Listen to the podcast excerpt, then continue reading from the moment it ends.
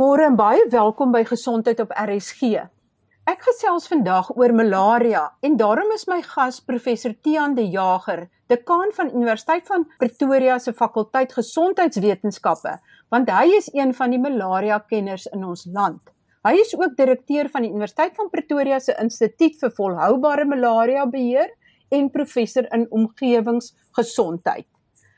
Waarom moet ons in Suid-Afrika en in Afrika praat oor malaria. Is dit 'n groot probleem hier en neem dit toe? Goeiemôre Marie en aan die luisteraars. Dis lekker om met julle te gesels vanoggend. Ja, malaria is steeds 'n probleem. Daar word baie pogings aangewend om van malaria ontslae te raak, maar byvoorbeeld in 2019 was daar 219 miljoen malaria gevalle steeds wêreldwyd gerapporteer. En wat belangrik is, ongeveer 94% van die gevalle het in Afrika voorgekom. Nou dit het gelei tot ongeveer 410 000 sterftes. So ja, malaria is steeds 'n realiteit en ons moet seker maak dat ons die nodige voorsorg tref. Malaria is 'n parasitiese siekte en dit word deur muskiete oorgedra watter soort muskiete dra dit oor en is dit die wyfies en die mannetjies of net die wyfies? Die parasiet word deur die muskiet vektor van die genus Anopheles oorgedra. Nou in Suid-Afrika is Anopheles arabiensis die primêre vektor. As ons interessantheidshalwe daarna kyk, dis slegs die wyfie muskiet wat die mense byt en die bloedmaal inneem. Dit word spesifiek vir die ontwikkeling van hul eiers gedoen. Andersins voed beide die mannetjies en die wyfies op plantsap of nektar om hul nutriënte op te neem.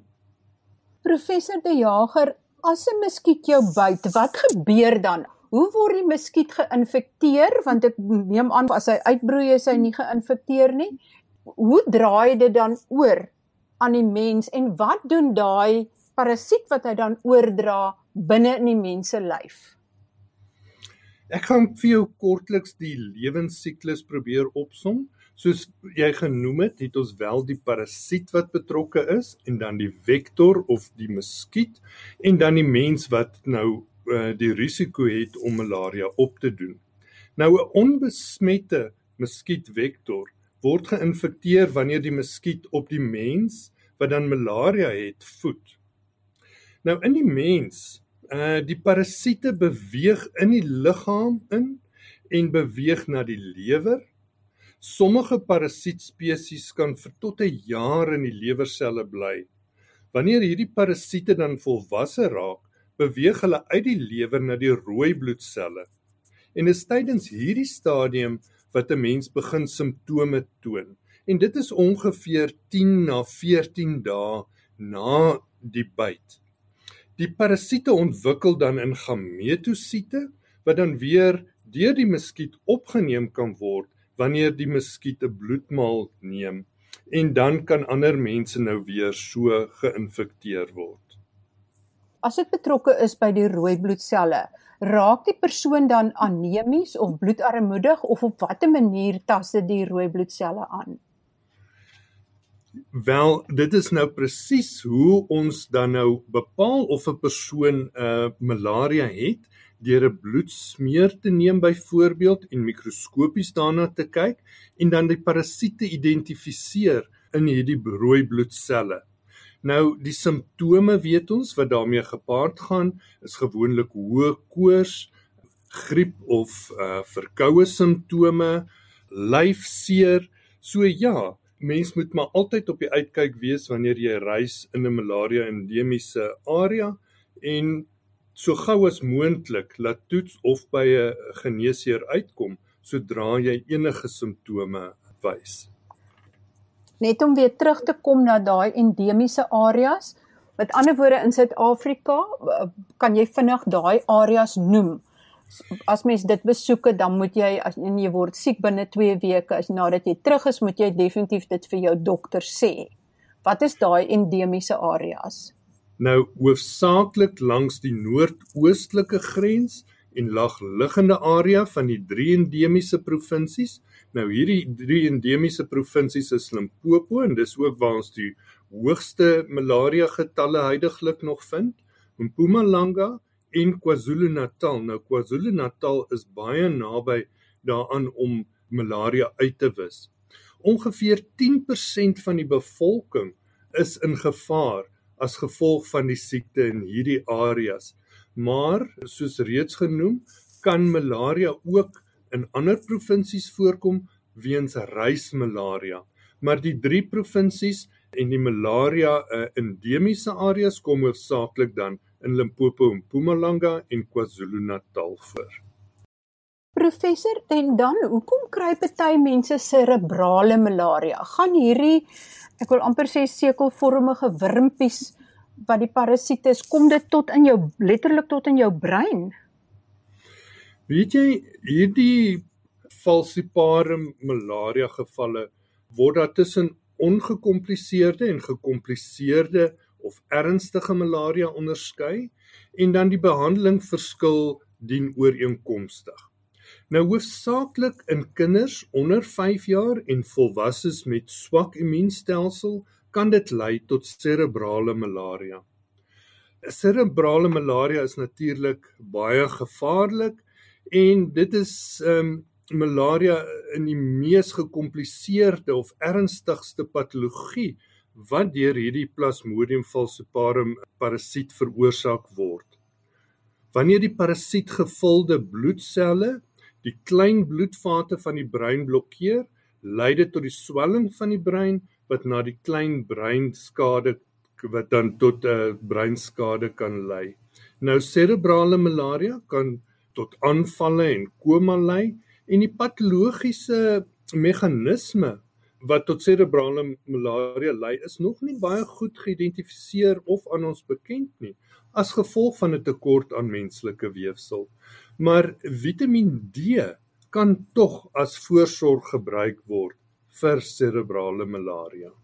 Met ander woorde, as jy reeds malaria het en die een wil keer dat daai komplikasie van cerebrale malaria intree, dan kan Vitamiin D tog 'n effek hê. Dit kan. Dit is gerapporteer dat Vitamiin D en ons het nou selfs gesien uh met COVID is ons aangeraai om sink en Vitamiin D te gebruik. So gebruik maar daardie Vitamiin D. Dit kan dalk uh help om sodat jy ernstige neurologiese komplikasies opdoen.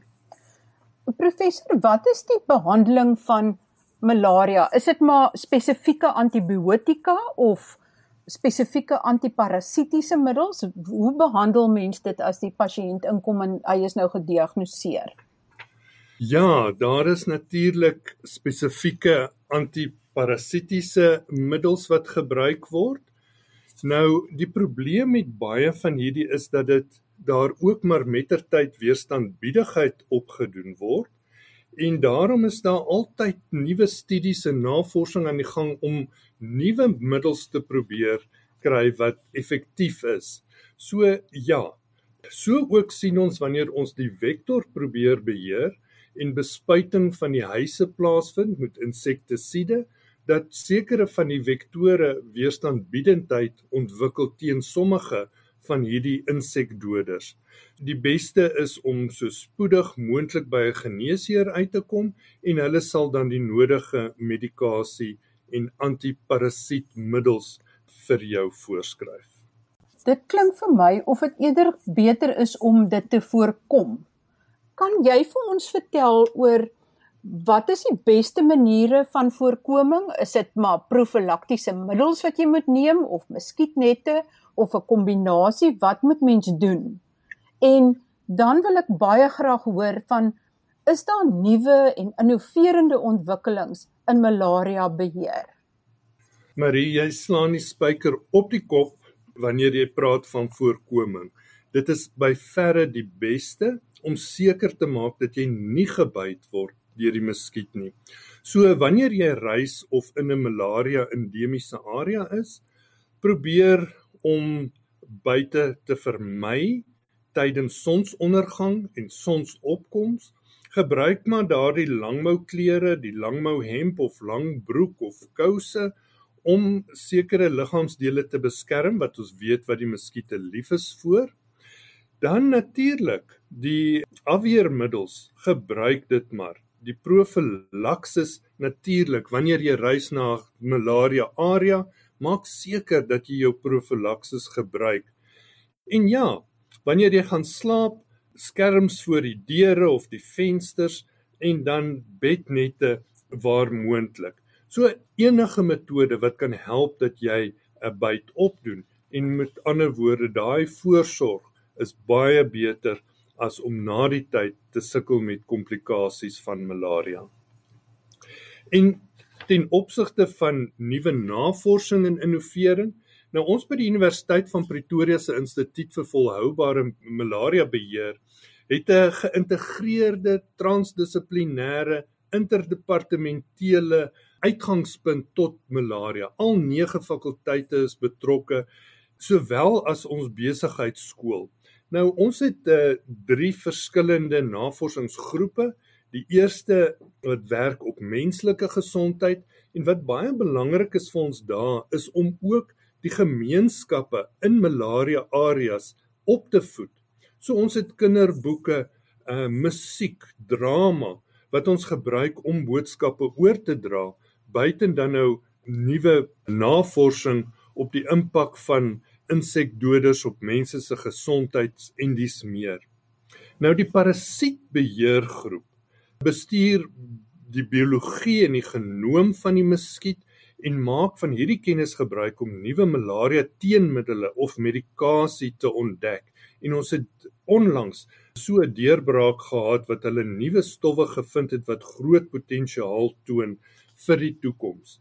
Maar ons werk saam met biochemiese, plantwetenskaplikes, farmakologie en verskeie kenners in die gebied om met nuwe middele en nuwe idees vorendag te kom.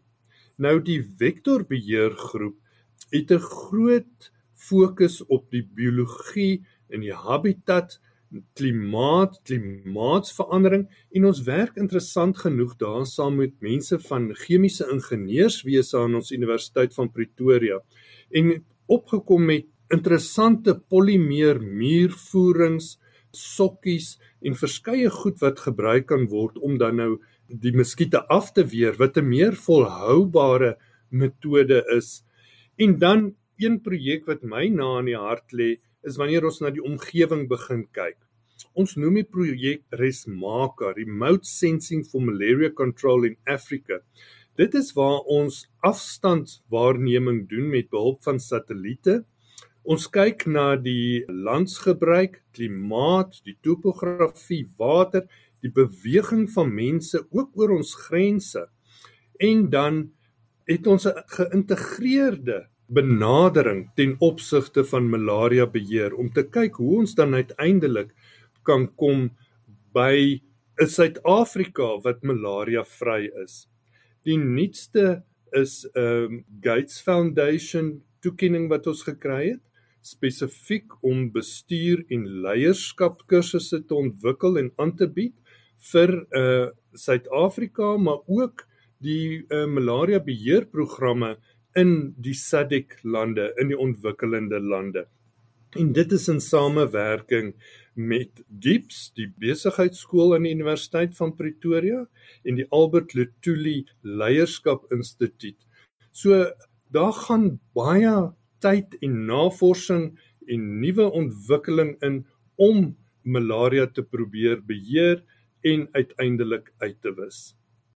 Ek is baie bly om dit te hoor want mense wonder altyd of die groot farmaseutiese maatskappye belangstel om nuwe malaria-middels te ontwikkel omdat baie so gekonsentreer is op ek wil amper sê siektes waar daar groter wins mee gemaak kan word. Ek moet ongelukkig met jou saamstem. Ek dink daar word uh, min aandag deur die farmasie daarop geplaas. Maar gelukkig by akademiese instansies soos die Universiteit van Pretoria is ons voortdurend besig om te kyk na nuwe middele, nuwe medikasies en ontwikkelinge en strategieë, innoverende maniere om malaria te bestry. Ek wil dan net vra oor die vektor teenmiddels om die muskiete dood te maak. In die ou dae is DDT gebruik. Word dit steeds gebruik? Is dit steeds effektief of is daar nou nuwer middels wat meer effektief is? Nou praat jy so na my hart want dit is my eintlike fokusarea.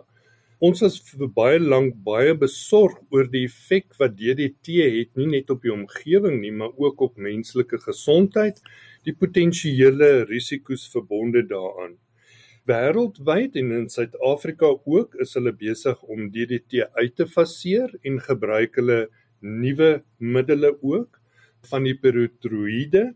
En dan is daar ook deesdae 'n groter fokus op larwebeheer wat ek dink gesamentlik um hopelik 'n groter impak gaan hê. In die verlede het ons uh, soos jy weet die huise aan die binnekant bespuit, maar wat gebeur aan die buitekant? So mens moet 'n meer geïntegreerde benadering gebruik en ek dink met die nuwe middele wat gebruik word en die nuwe toeslag en aanslag op die muskiete kan ons dalk uiteindelik kom by 'n stadium wat ons kan sê ons het malaria oorwin in Suid-Afrika. Die datum vir eliminering in Suid-Afrika is 2023 glo dat in KwaZulu-Natal ons dit gaan haal, moontlik in Mpumalanga, maar dit gaan moeilik wees vir Limpopo waar daar nog steeds baie uitdagings is. Help dit om olie op die water in 'n watertank te gooi om te keer dat daai larwes oorleef of help dit nie regtig nie? Daar's verskeie benaderings. Ja, so die larwe sal gewoonlik op die oppervlak wees. So enige iets wat jy kan doen om daai oppervlak te beskerm of te dek gaan voorkom dat die larwes daar verder ontwikkel en tot volwasse muskiete groei. Maar mens moet nou ook dink aan die praktiese daarvan. Jy kan nou natuurlik nie groot areas met olie bedek nie. So daar is spesifieke middele wat gebruik word vir spesifiek larwebeheer. Professor, van die voorkomende middels wat mens moet gebruik of wat voorgestel word vir profylakse as jy na 'n uh, malaria gebied toe gaan, daar's verskillendes, maar die wat ek nou laaste van gehoor het was Malarone. Is daar iets wat beter is of wat nou deesdae gebruik word? Ek het agtergekom met wissel maar van tyd tot tyd. Ja, weet jy, dit gaan spesifiek en daarom wil ek die luisteraars aanmoedig om na hulle reiskliniek of hulle geneesheer te gaan. Want mense reis na verskillende areas en daar is verskillende middele wat meer effektief is in sekere areas of vir die tydperk wat hulle gaan. So ek is ehm um, huiwerig om spesifieke name uit te lig, maar daar is jy weet weerstandbiedendheid in sommige areas. Daar is ehm um, nuwe middele wat gebruik word in Suid-Afrika as 'n eerste fase behandeling ook daar is voortdurend nuwe behandeling en 'n uh, voorkomingsmiddels en profylakse beskikbaar en die beste gaan wees om by jou reiskliniek uit te vind wat vir jou spesifiek die beste gaan werk. Jy weet baie mense reis na Mosambiek veral hier oor die Kerstyd en vakansietyd en dit is 'n uiters hoë risiko area. So mense moet maar die nodige mediese raad inkry en ma seker maak dat hulle die regte middels gebruik. Iemand wat in 'n endemiese area bly, kan mos nou nie die heeltyd op profylakse wees nie. Hoe maak julle met daai mense? Van die mense bou tot 'n mate weerstandbiedendheid op, so hulle kry 'n ligter graad van malaria. Ander mense in die malaria endemiese area tref maar sekere voorsorg met weerstand en profylaktiese uh, smeermiddels wat hulle gebruik. So ja, mense is steeds blootgestel kan meer as een keer natuurlik malaria kry en bou tot 'n mate weerstandbiedendheid op daarteenoor. Professor, as jy sê dat die mikpunt is om teen 2023 Suid-Afrika malaria vry te kry en dat mense dit moontlik gaan regkry in KwaZulu-Natal en in Mpumalanga, dan is dit 'n samestelling van al hierdie verskillende strategieë en tegnieke. Dis nie een enkele ding wat mens doen nie. Verstaan ek dit reg so? Absoluut. En dit moet 'n volgehoue poging wees. Wat veral in Mpumalanga belangrik is en ek dink wat hulle baie goed gedoen het, is 'n uh, vroeë diagnostisering en effektiewe behandeling van malaria. Nou dit maak alreeds 'n groot verskil. Sou daar 'n malaria geval wees, word die ondersoek en dan spesifiek die vektorbeheer in daai area aangepas. Die groot risiko vir Mpumalanga is weer eens ons buurlande. Mosambiek spesifiek waar daar steeds 'n hoë eh, getal malaria gevalle voorkom. So ja, dit is uiteindelik vektorbeheer, profylaksis, voorkoming en hoe dit bestuur word wat 'n impak gaan hê op die uitwissing van malaria in 'n spesifieke area. En dan moet dit volgehou word. Mens moet nie dink, "Goed, jy's nou malaria vry nie, want anders gaan hy verseker terugkom." Dis baie opwindend. Professor, as jy 'n enkele finale, ek wil amper sê take home message het vir die mense, wat sal dit wees in 'n enkele sin? Ek wil sê wees bewus dat daar steeds malaria is Moenie dink dat dit net met iemand anders kan gebeur en dat jy nie malaria kan opdoen nie. So maak seker wanneer jy in 'n malaria area is dat jy die nodige voorsorg tref, goed soos ons genoem het, profylaksis, langmoue, vermy kontak met muskiete tydens sonsopkoms en sonsondergang en wees veilig. Veral in hierdie tyd van COVID wat ons weet wat baie van die simptome dieselfde is, As jy enigsins vermoed dat jy malaria opgedoen het, laat toets. Hoe gouer hoe beter. Dis vir jou eie gesondheid en jou eie beswil. Gaan gin and tonic help as ek nou lekker in die bos gaan vakansie hou daar naby die Mosambiekse grens? Weet jy Marie gin and tonic help altyd. Nou die rede hoekom mense gin and tonic assosieer met uh malaria voorkoming is 'n uh, chloroquine wat gebruik was as malaria teenmiddel kom in klein hoeveelhede in jou tonikum voor.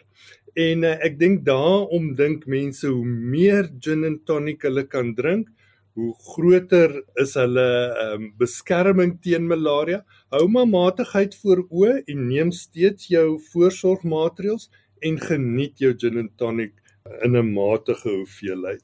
Maar dit gaan nie noodwendig voorkom dat jy malaria opdoen nie. Miskien gee jy dan net minder om. dat jy siek word. Verseker. Baie dankie. Baie dankie Marie, dit was lekker om met jou te gesels.